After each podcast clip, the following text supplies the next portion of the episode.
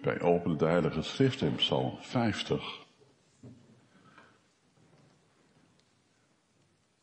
Psalm 50, vers 1 tot 4 is een oud-testamentische profetie over de wederkomst van onze Heer Jezus Christus. En hierin volg ik de verklaring van Matthew Henry. U allen wel bekend, denk ik. In het vervolg van de psalm wordt ons door de Heer duidelijk gemaakt wie zich wel of niet voorbereiden op die wederkomst en hoe ze dat doen. En daarmee is natuurlijk ook voor ons de toepassing al snel gemaakt. Hoe staan wij daar zelf in? We gaan Gods heilig en onfeilbaar woord lezen, Psalm 50. Die de Heere, dien de Heere oprecht. Een psalm van Asaf. De God der goden, de Heere spreekt en roept de aarde, van waar de zon opkomt tot waar hij ondergaat. Uit Sion, de volmaakte schoonheid, verschijnt God linkend. Onze God komt en zal niet zwijgen. Voor zijn aangezicht verteert een vuur. Rondom hem stormt het geweldig. Hij roept tot de hemel daarboven en tot de aarde, om over zijn volk recht te spreken. Verzamel mij mijn gunstelingen, die een verbond met mij sluiten door offers. De hemel verkondigt zijn gerechtigheid, want God zelf is rechter. Luister mijn volk en ik zal spreken Israël, ik zal onder u getuigen. Ik, God, ben uw God. Niet om uw offers zal ik u straffen, want uw brandoffers houd ik voortdurend voor ogen. Toch hoef ik uit uw huis geen jonge stier te nemen of bokken uit uw kooien, want al de wilde dieren in het woud zijn van mij, de dieren op duizend bergen. Ik ken alle vogels van de bergen, het wild van het veld is bij mij. Als ik honger had, ik zou het u niet zeggen, want van mij is de wereld en al wat zij bevat. Zou ik stierenvlees eten of bokkenbloed drinken? Offert dank aan God en kom aan de Allerhoogste uw gelofte na. Roep mij aan in de dag van benauwdheid, ik zal u uithelpen en u zult mij eren. Hoe durft u over mijn verordeningen te vertellen en mijn verbond in uw mond te nemen? Want u haat de vermaning en werpt mijn woorden achter u weg. Ziet u een dief, dan loopt u met hem mee en uw deel is met overspelers. Uw mond gebruikt u voor het kwaad, uw tong smeet bedrog aan bedrog. U zit daar en spreekt kwaad tegen uw broeder en werpt een smet op de zoon van uw moeder. Zulke dingen doet u en ik zwijg. U denkt dat ik net zo ben als u. Ik zal u straffen en uw zonden voor uw ogen uitstallen. Begrijp dit toch, u die God vergeet. Anders verscheur ik en er is niemand die redt. Wie dank offert, zal mij eren. Wie de rechte weg gaat, zal ik Gods heil doen zien. laatste woorden vormen de kerntekst voor de preek. Het gaat ons om de gehele psalm vanmorgen. Wie dank offert, zal mij eren. Wie de rechte weg gaat, zal ik Gods heil doen zien. Een psalm van Asaf. In 2 Kronieken 29 vers 30 wordt Asaf een ziener genoemd. Een ziener is een profeet, jongens. Een man die in de toekomst kan zien, geopenbaard door de Heilige Geest, en daar dingen over mag vertellen. We zijn bijzonder gelukkig met het feit dat er in het Oude en Nieuwe Testament heel veel zieners aan het woord zijn. In tientallen hoofdstukken van de Bijbel wordt ons verteld over de toekomst. Met name over de toekomst van de dag des Heren en het vrederijk dat daarop zal volgen. En vanmorgen mogen we ons bezighouden met die allerbelangrijkste gebeurtenis die ons in de aankomende tijd helder voor ogen zal komen. De wederkomst van onze Heer Jezus Christus. Want uw komst, heren, zo zeg ik altijd maar, is dat wat ons heil, onze heling, onze zaligheid volmaakt. En volmaakt laat zijn. Perfect. Waar we nu worstelen met de zonde, de wereld, ons eigen vlees.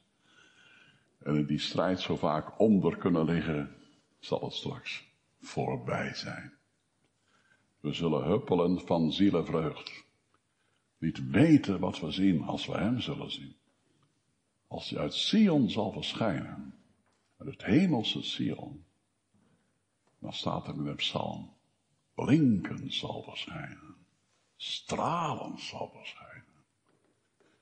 In Romeinen 11, vers 26 wordt ook dat hemelse Sion bedoeld als de staat dat de Heere uit Sion zal komen en naar het Israëlische volk zal gaan om een goddeloosheid af te wenden, te vergeven en de natie Israël tot bekering te brengen.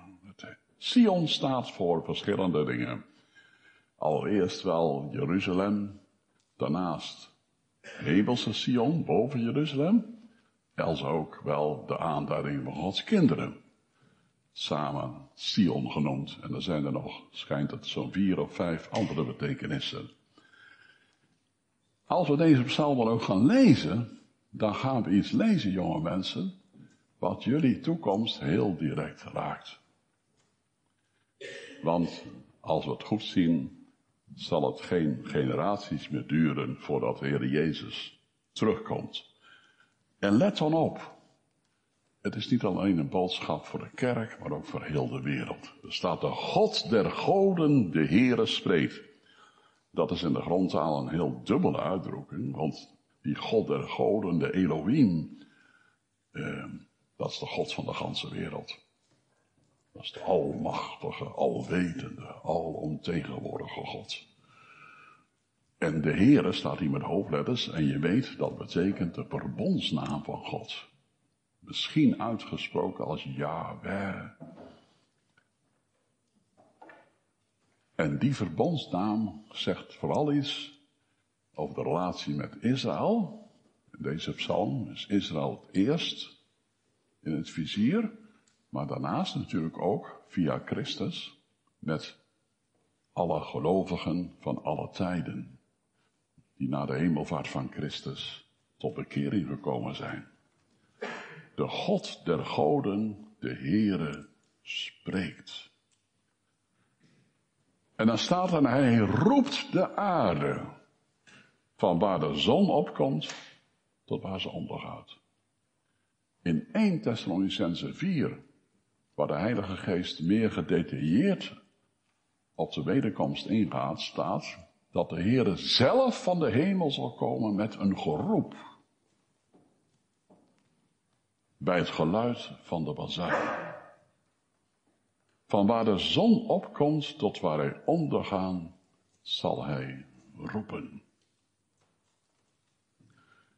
Als we iets willen verstaan van wat hier staat, wat hier in het Oude Testament al wordt geprofeteerd, dan is het goed om het Nieuwe Testament er ook elke keer bij te nemen. Dat is trouwens heel goed bij de Bijbelstudie om dat over en weer te doen.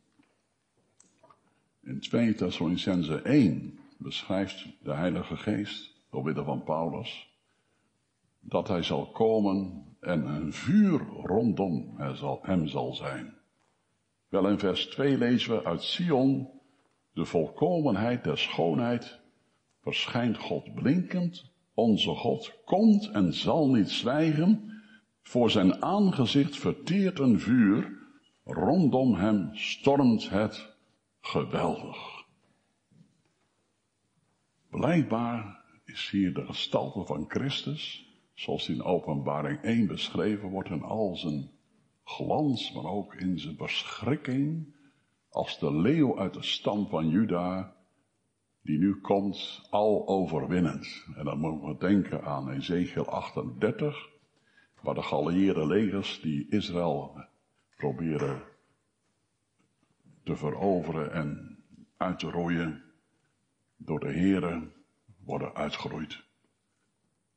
De strijd die God gaat aanbinden met de vijanden van Israël bij zijn wederkomst, beschreven in Zacharia 14.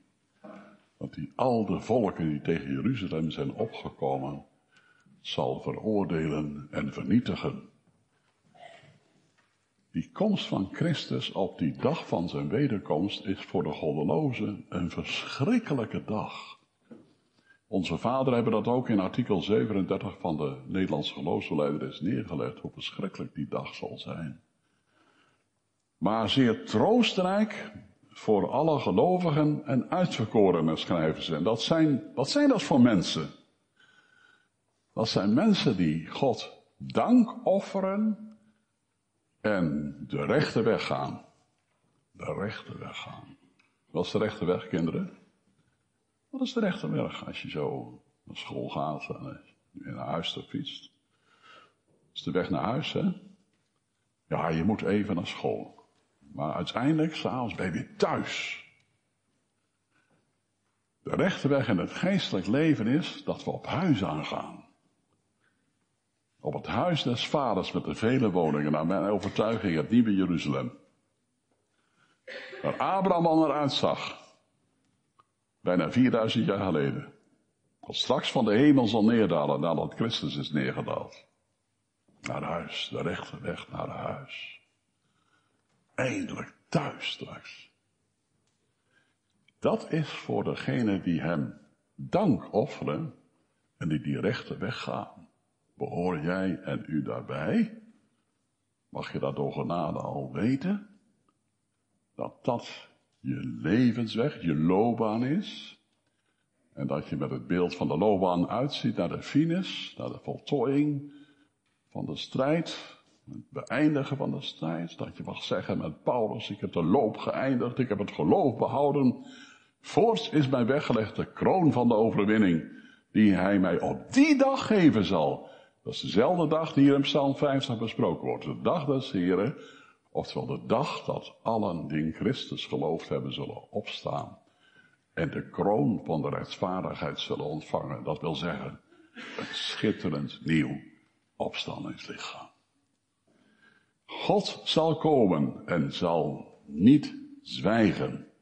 Voor zijn aangezicht verteert een vuur Rondom hem stormt het geweldig. En dan staat er in vers 4, hij roept tot de hemel daarboven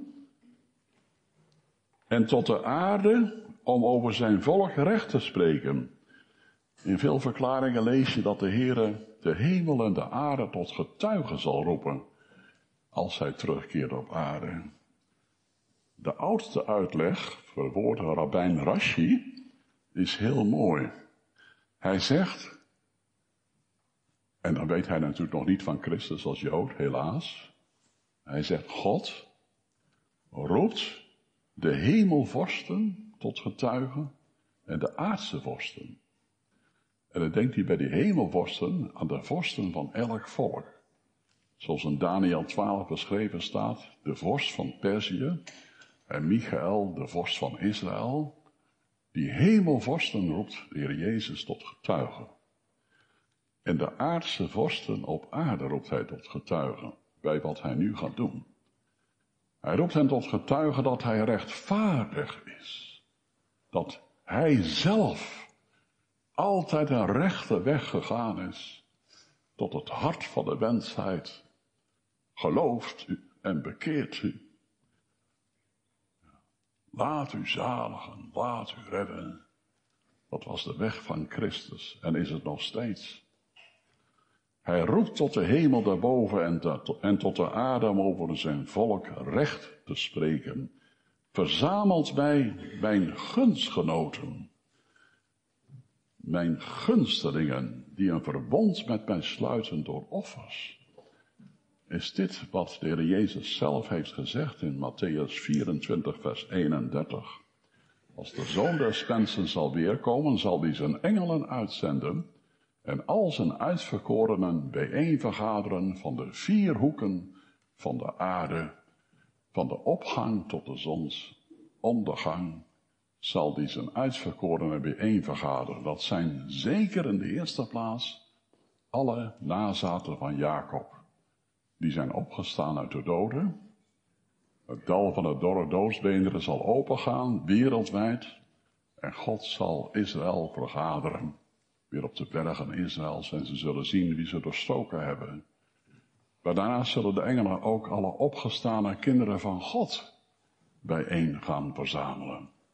Want ze moeten allen naar Jeruzalem, Jeruzalem. De stad van de grote koning.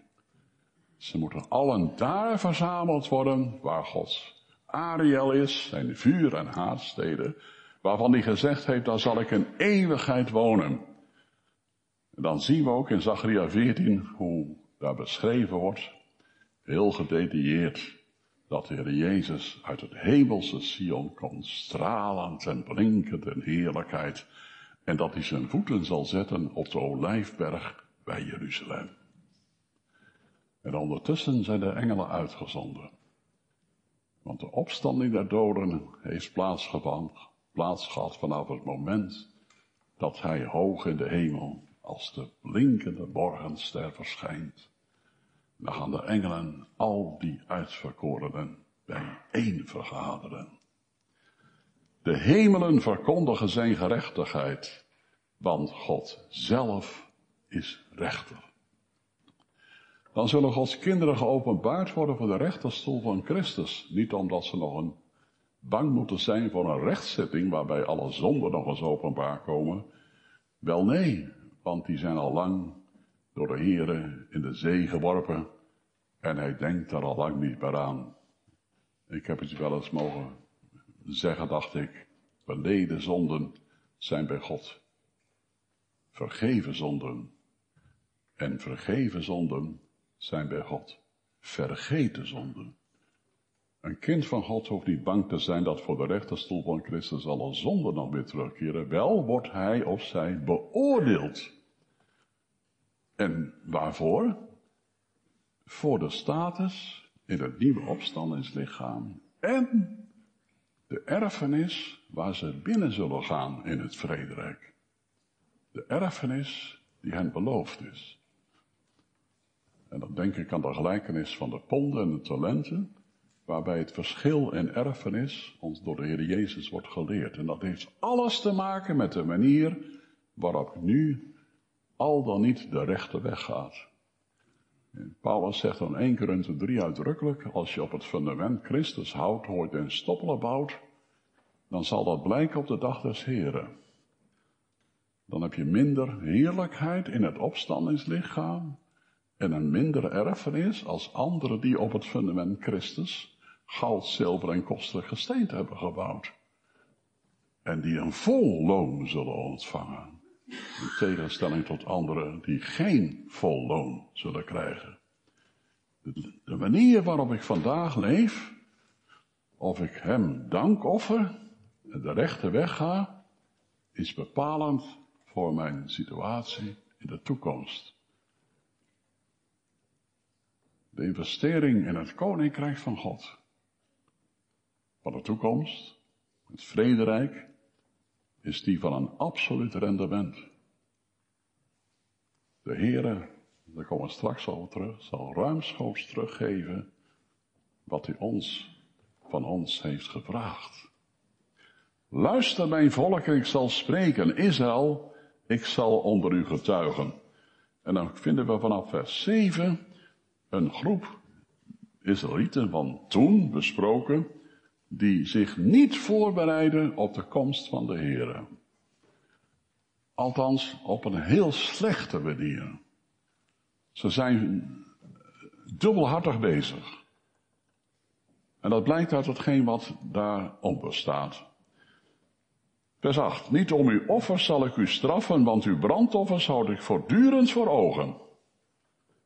Ze offerden in de tempel. Er was niks mis met wat het volk Israël toen deed. Ze waren er heel getrouw in. En de Heere zegt, ik zie het. En ik heb het gezien. Ik houd uw brandoffers voortdurend voor ogen. Daar blijkt uit dat God ook vandaag precies ziet wat we in onze huis, slaap en voorkamer en achterkamer doen. En ook op de kamers in internet. Hij weet alle dingen. Hij ziet het voor ogen. Toch hoef ik uit uw huis geen jonge stier te nemen of bokken uit uw kooien, want al de wilde dieren in het woud zijn van mij. De dieren op duizend bergen, ik ken alle vogels van de bergen, het wild van het veld is bij mij.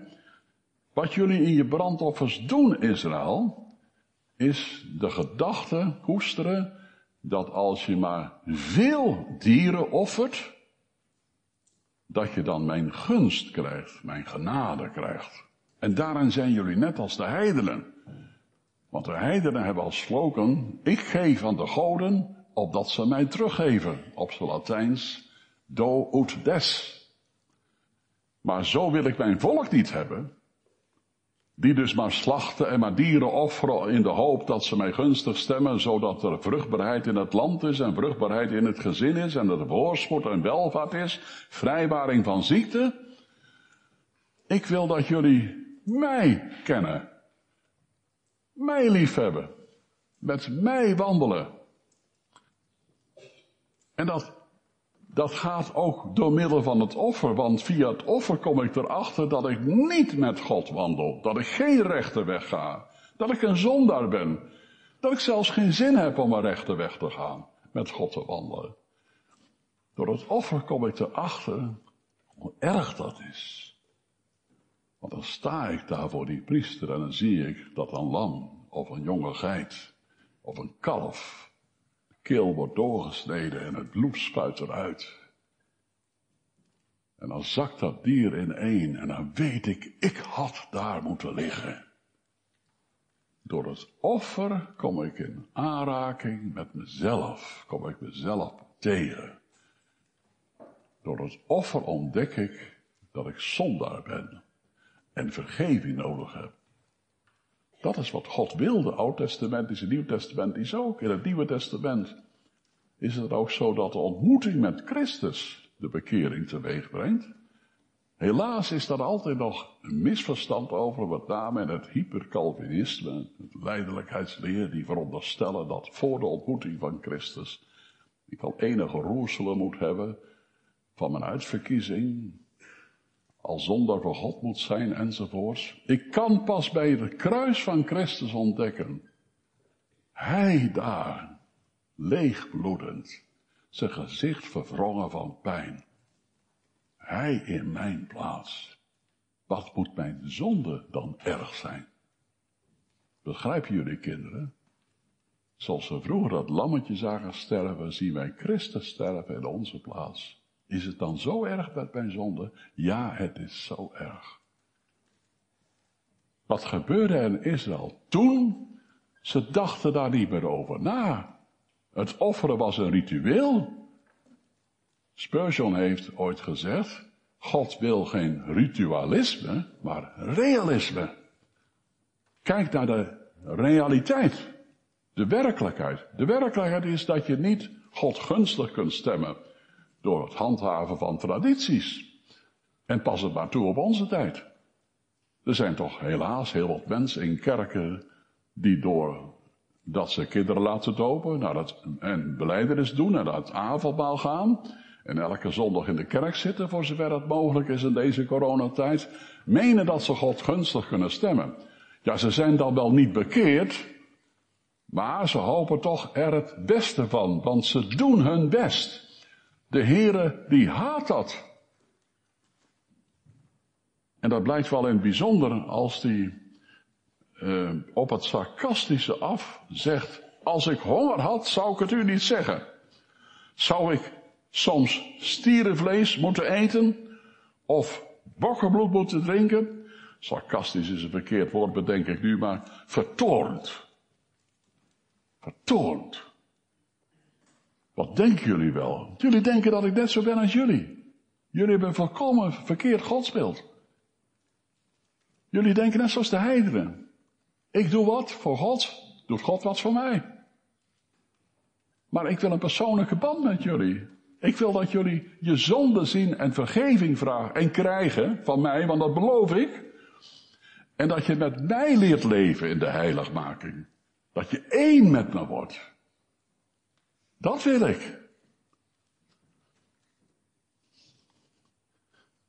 En dan komt dat vers 14. Offert dank aan God en kom aan de Allerhoogste uw gelofte na.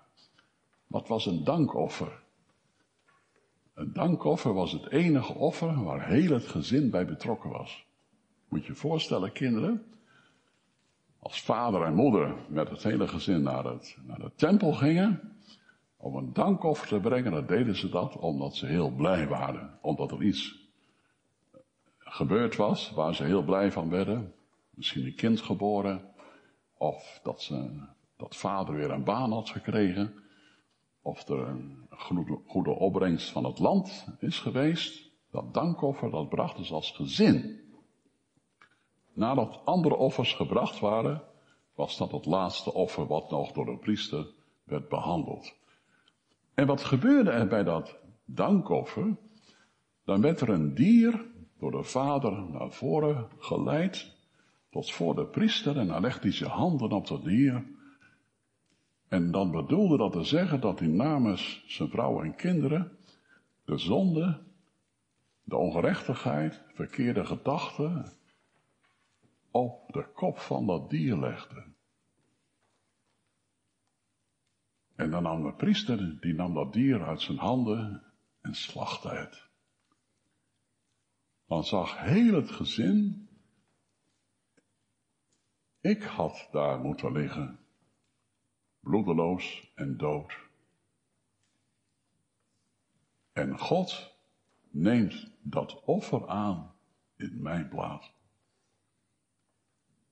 Hoe bleek dat? Wel na de slacht nam de priester een paar stukken vlees en liep daarmee naar vader toe. En dan legde die stukken vlees in de handen van vader. En dan legde die priester zijn eigen handen daaronder. En hij stond, die priester, met zijn rug naar het heiligdom, naar de ark. En dan bewoog hij de handen van zijn vader bovenop zijn handen in de richting van het heiligdom. Met die stukken vlees erin. En dat liet zien, vader, moeder, kinderen. Het offer wat jullie gebracht hebben, mogen jullie teruggeven aan de Heere. Opnieuw geven aan de Heere, maar nou als gezin. En dan bewoog die priester zijn handen weer achteruit naar het gezin toe. Het offer wat jullie opnieuw hebben gegeven aan de Heer. Eerst door het aan de priester te geven om te slachten. Toen de stukken vlees, die je moest uitstrekken in de richting van de Heer, die krijg je nu terug. En vanaf dat moment was, waren vader en moeder en de kinderen zielsblij. Want ze mochten nu dat vlees gaan eten aan tafels. Het werd gebraden en er kwamen de dadels en vijgen en een glas wijn op tafel. Het was de enige keer bij alle offers in Israël dat het een gezin erin mocht delen. Het was feest. Na beleidenis van zonde liet God zien, ik vergeef.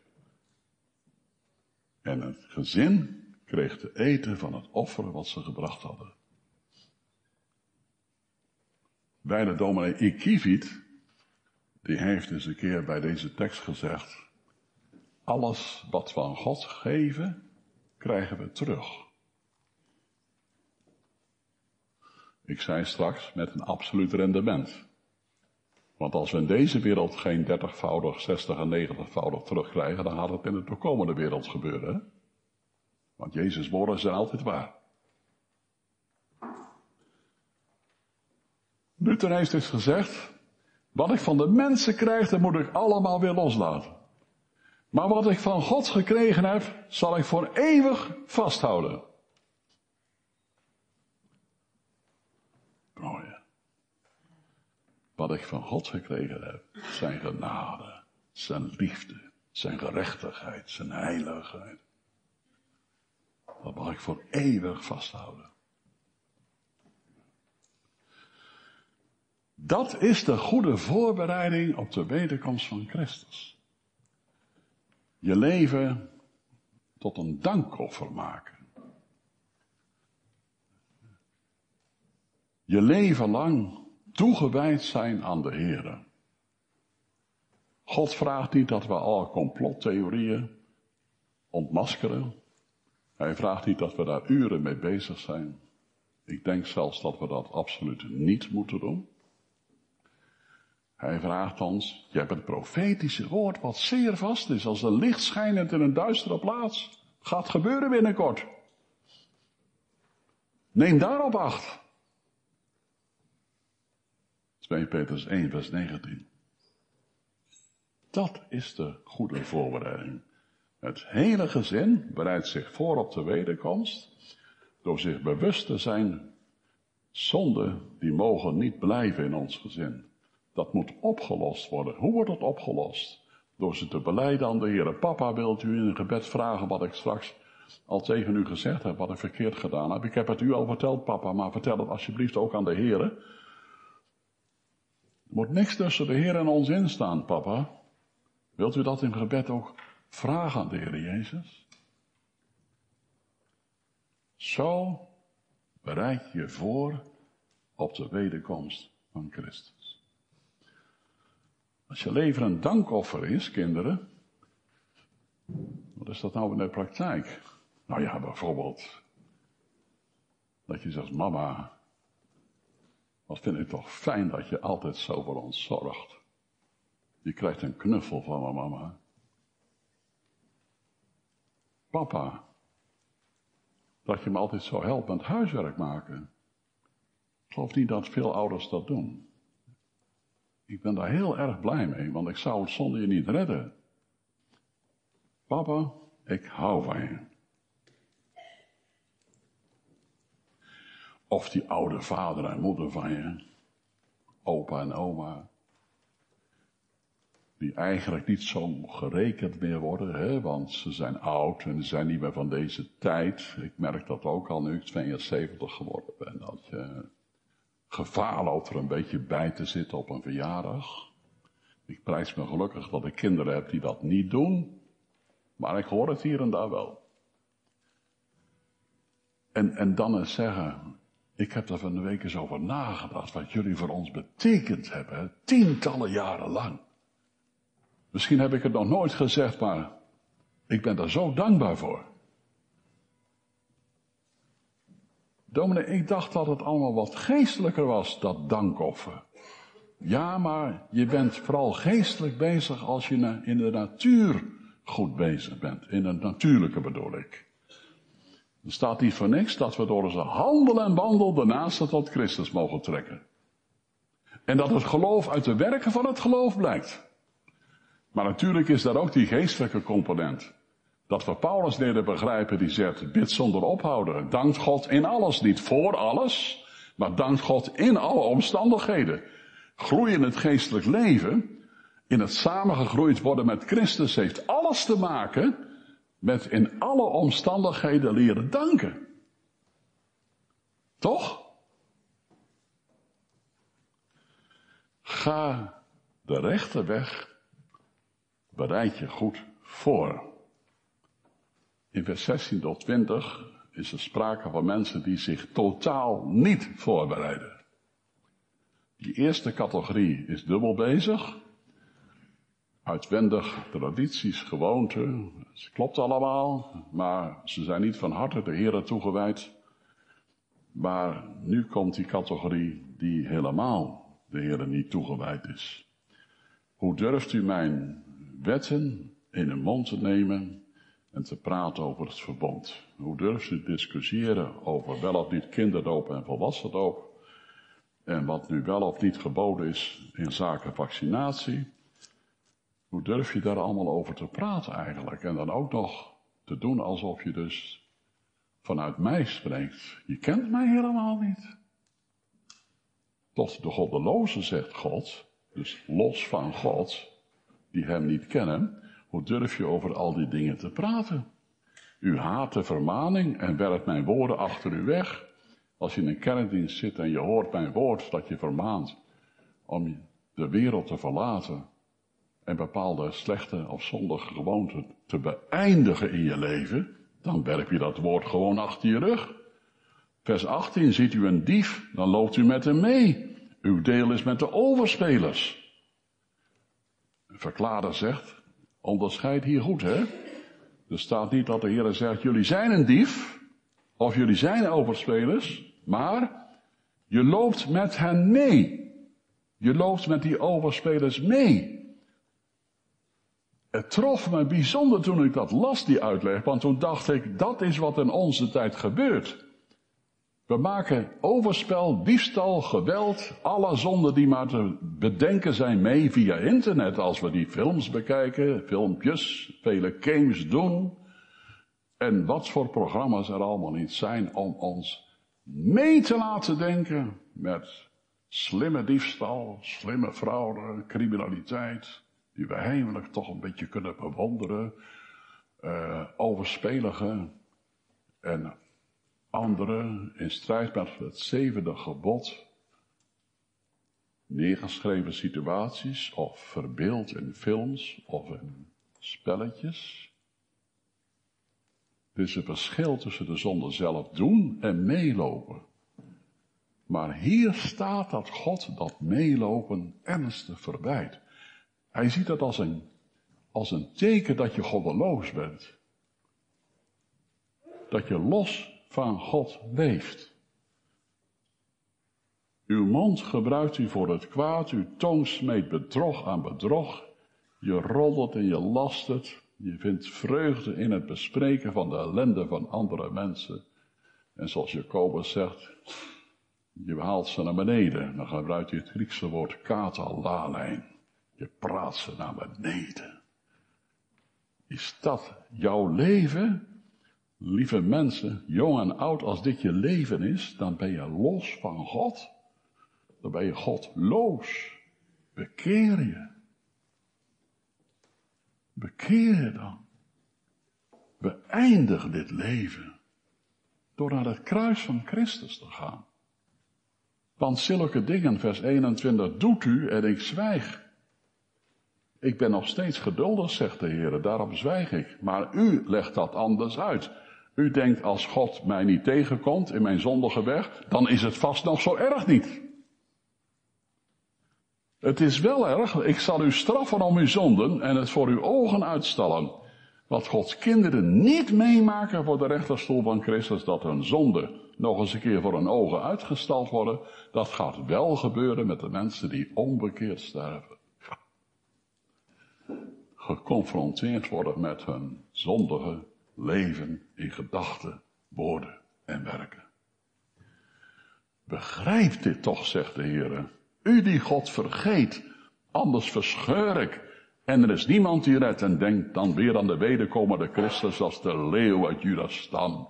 Het woord verscheuren wat hier staat, wil letterlijk zeggen, dat lichaam wordt uiteengerukt. God verscheurt. Na zo lang geduld, hij verschijnt als rechter. Ik weet niet of je dat geschiedenis wel eens gehoord hebt van die jonge kerel die gered werd uit het water. Doordat een rechter die langs reed, zag dat die auto van die jongen te water ging. Die bedenkt zich geen moment, stopt, speert de auto uit, duikt in het water en redt die jongen uit het water. Trekt hem uit zijn auto. Maanden later komt die knaap voor de rechter, omdat hij dronken achter een stuur gezeten heeft, een ernstig ongeval veroorzaakt heeft. Dan komt hij de rechtszaal binnen en ziet hij die rechter zitten en denkt hij, dat is mooi. Dat is dezelfde rechter die mij gered heeft. Dat zegt hij ook tegen de rechter op een gegeven moment. Ja, zegt die rechter, ik was toen je redder. Maar je bent geen rechte weg gegaan. Je bent een zondige weg gegaan. En daarom ben ik nu je rechter. En ik moet je en ik ga je veroordelen. Het zal een van de grootste verschrikkingen zijn dat je de weg van God geweten hebt, door het woord de redder hebt mogen leren kennen, en je niet geluisterd hebt, een God vergetende bent geworden, en straks met de rechter wordt geconfronteerd. Diezelfde Heer Jezus, die zich kwetsbaar als een lam aan je schenkt. Als ik die afwijs, lieve mensen, dat moet je niet doen hoor. Als ik die afwijs, dan is diezelfde Heer Jezus straks je rechter. Versta dit toch, staat er geen godsvergetende. Want dan is er niemand die nog redt.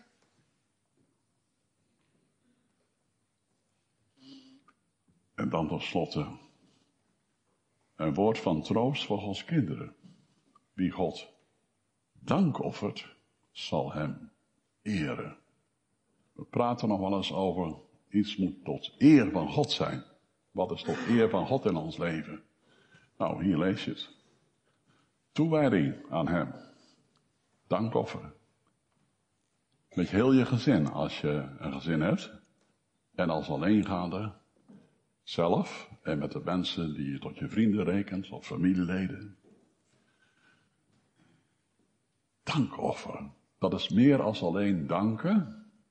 Heer, wij danken u van harte, van harte voor noodrust en voor overvloed. Ga nou eens gewoon praten met God aan tafel. En zeg het gewoon wat in je hart leeft.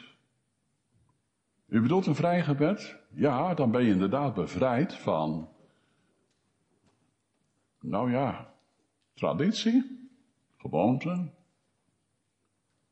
je zult merken hoe vrij, hoe vrijmoedig je dan door de Heilige Geest gemaakt kunt worden.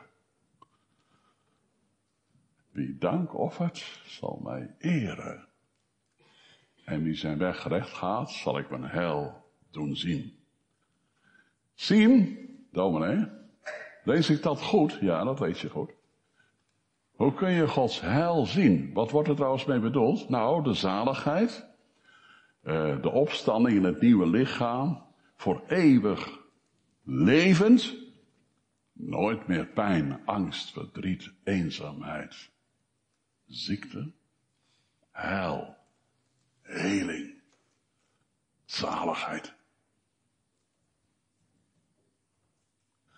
Kun je dat zien? Ja. Hoe kunnen we dat zien dan? Nou, zoals er staat. Wie de rechte weg gaat, zal ik Gods heil doen zien. Ik dacht dominee dat we zien de, de onzienlijke, hoe staat het er ook weer, dat we nu in geloof leven, niet in aanschouwen. Ja? Pak er maar vanaf wat je daarmee bedoelt. Kijk, als Jezus tegen Nicodemus zegt, wie de zoon aanschouwt, die heeft het eeuwige leven.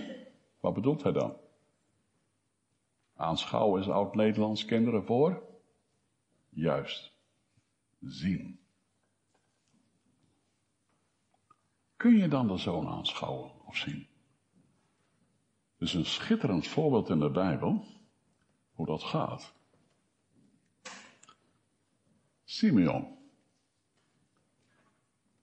Simeon in de tempel na de geboorte van Jezus in Bethlehem. Ik mag wel voorafgaand aan Advent alvast een Adventboodschap bij jullie neerleggen. Simeon, die had een leven als een dankoffer. Bent u het met mij eens? Heel zijn leven was toegewijd aan God. Hij liet zien wat er gebeurde in dat dankoffer. De priester legt zijn handen onder zijn handen. Het offervlees ligt in beide handen zo. En die priester die beweegt zijn handen de richting van God. De plaats waar God woont. In het heilige der heiligen. Het gebaar van toewijding. Dan zingen zij in God verblijd aan hem gewijd van zere wegen. Dat was Simeon. Geweldige. Wat kun je jaloers zijn op zo'n mannen. Een leven waarvan Paulus later zal zeggen, een gode welgevallige offerande. Of op een andere plaats, een offerande van lof. Door zijn handel en wandel. Door heel zijn bestaan. Wat is dat een voorrecht als dat een beetje mag beginnen in je leven? Of mag groeien? En, en wat kreeg Simeon daar nou voor terug? Kunnen jullie dat bedenken, kinderen? Zijn handen werden bewogen in de richting van God. En toen werden zijn handen weer bewogen naar zijn eigen lichaam toe. En wat zag hij toen? Het kinderke Jezus in zijn armen. Door Maria en Jozef in zijn armen gelegd. En toen zei hij, weet jullie nog wat hij zei? Mijn ogen hebben uw zaligheid gezien.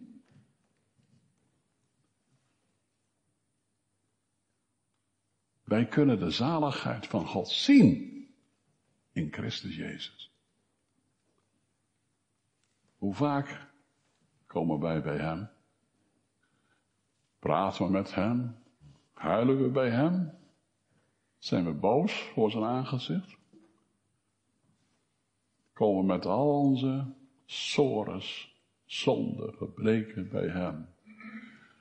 Heer Jezus, ik kom tot u gevloden, wees mij toch genadig, Heer. U bent er en u hoort uit de hemel. U zult het geroep van de jonge raven nog steeds horen, dan zult u mij toch ook wel horen, Heer. Praat je wel eens zo met de Jezus? Terwijl je op de fiets zit, of aan het werk bent, kantoor, of fabriek, of thuis. Dat is wat Paulus bedoelt met bid zonder ophouden. En zo heeft hij een levende band met de Heer Jezus onderhouden. Groeien in voorbereiding voor de wederkomst van Christus is groeien in dat toegewijde leven. Je leven tot een gode vrijwillig dankoffer maken. En dan zul je God mogen zien. Ja. De Roomse kerk heeft dat met kerst uh, aanschouwelijk willen maken. Door uh, kerststalletjes. Het kinderke Jezus in de kribbe enzovoorts. Maar dat bedoelt, dat bedoelt God niet in deze psalm. Uh, we moeten heel erg oppassen met beelden te maken. Dat hebben we straks nog gelezen, weet je nog, aan het begin van de dienst. Weet je waarom God daar zo zorgvuldig in is om ons te waarschuwen voor beelden, ook denk ik voor heel veel filmbeelden? Omdat hij wil dat wij door de Heilige Geest een beeld mogen vormen van Hem. Iemand die correspondeert met iemand in het buitenland. In een tijd dat er nog geen foto's waren. Dan vorm je een beeld van iemand met wie je correspondeert vanuit de brief.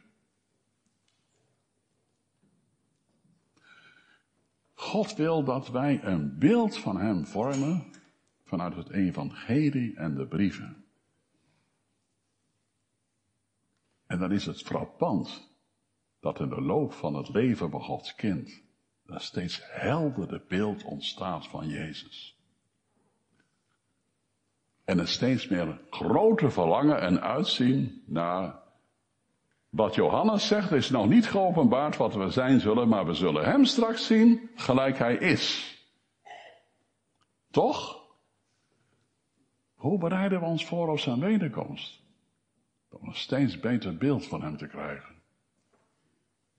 En zijn beeld te weerspiegelen. Of zoals Spurgeon zegt, zijn reflector te zijn. door onze handel en wandel in toewijding aan Christus. Zijn beeld gelijkvormig worden. Ach, Paulus die zegt dat is mijn dierbaarste wens. Ach, dat ik het beeld van de zoon gelijkvormig zou worden. Hij besefte dat het altijd wat een delen zou zijn. Maar hij wist ook dat hij de rechte weg ging. Want hij zegt aan het eind van zijn leven, ik heb de loop geëindigd. Ik heb de rechte weg gegaan. Voorts is mij weggelegd de kroon der overwinning die God mij zal geven. Op die dag der opstanding van de doden. Dat schitterend nieuwe opstandingslichaam. De tijd van een ontbinding is aanstaande. En ik keek de dood in de ogen. De koning der verschrikking volgens Job. Maar door Christus komt niet meer de koning der verschrikking. Omdat hij de dood heeft overwonnen. En we de dood in de ogen mogen zien in de zin van wat voorafgaat aan. Hij wist, Paulus, dat hij geëxecuteerd zou worden. Hij wist van de omstandigheden waar dat zou gebeuren. Dat zijn hoofd van zijn lichaam gescheiden zal worden. Dat hij als een drankoffer geofferd zou worden. Hopelijk is dat niet voor de meesten van ons weggelegd, maar het zou kunnen zijn dat voor sommigen van ons hetzelfde geldt, met name voor de predikanten. Als de grote verdrukking aanstaande is en de vervolging ook politiek zal losbarsten. Voorbereiding op de wederkomst betekent ook je voorbereiden op wat vooraf gaat. Zonder echter in angst of paniek te raken. Want Jezus zegt, ziet ik heb het u alles voorzegd. En ziet ik ben met u. Zie je het wel? Je zult de zaligheid van God al zien in mij en straks nog helderder dan ooit. En dat is wat Gods kind begeert om straks mee te maken hoe hij neerdaalt.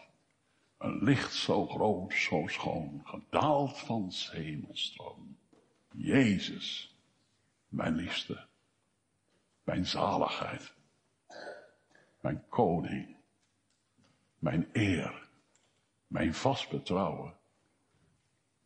Zulk één is mijn liefste. Hij draagt de banier boven tienduizend en de wereld zal het straks zien als het blind gezicht der heiden wordt verlicht. En Israël zal verhogen. Amen.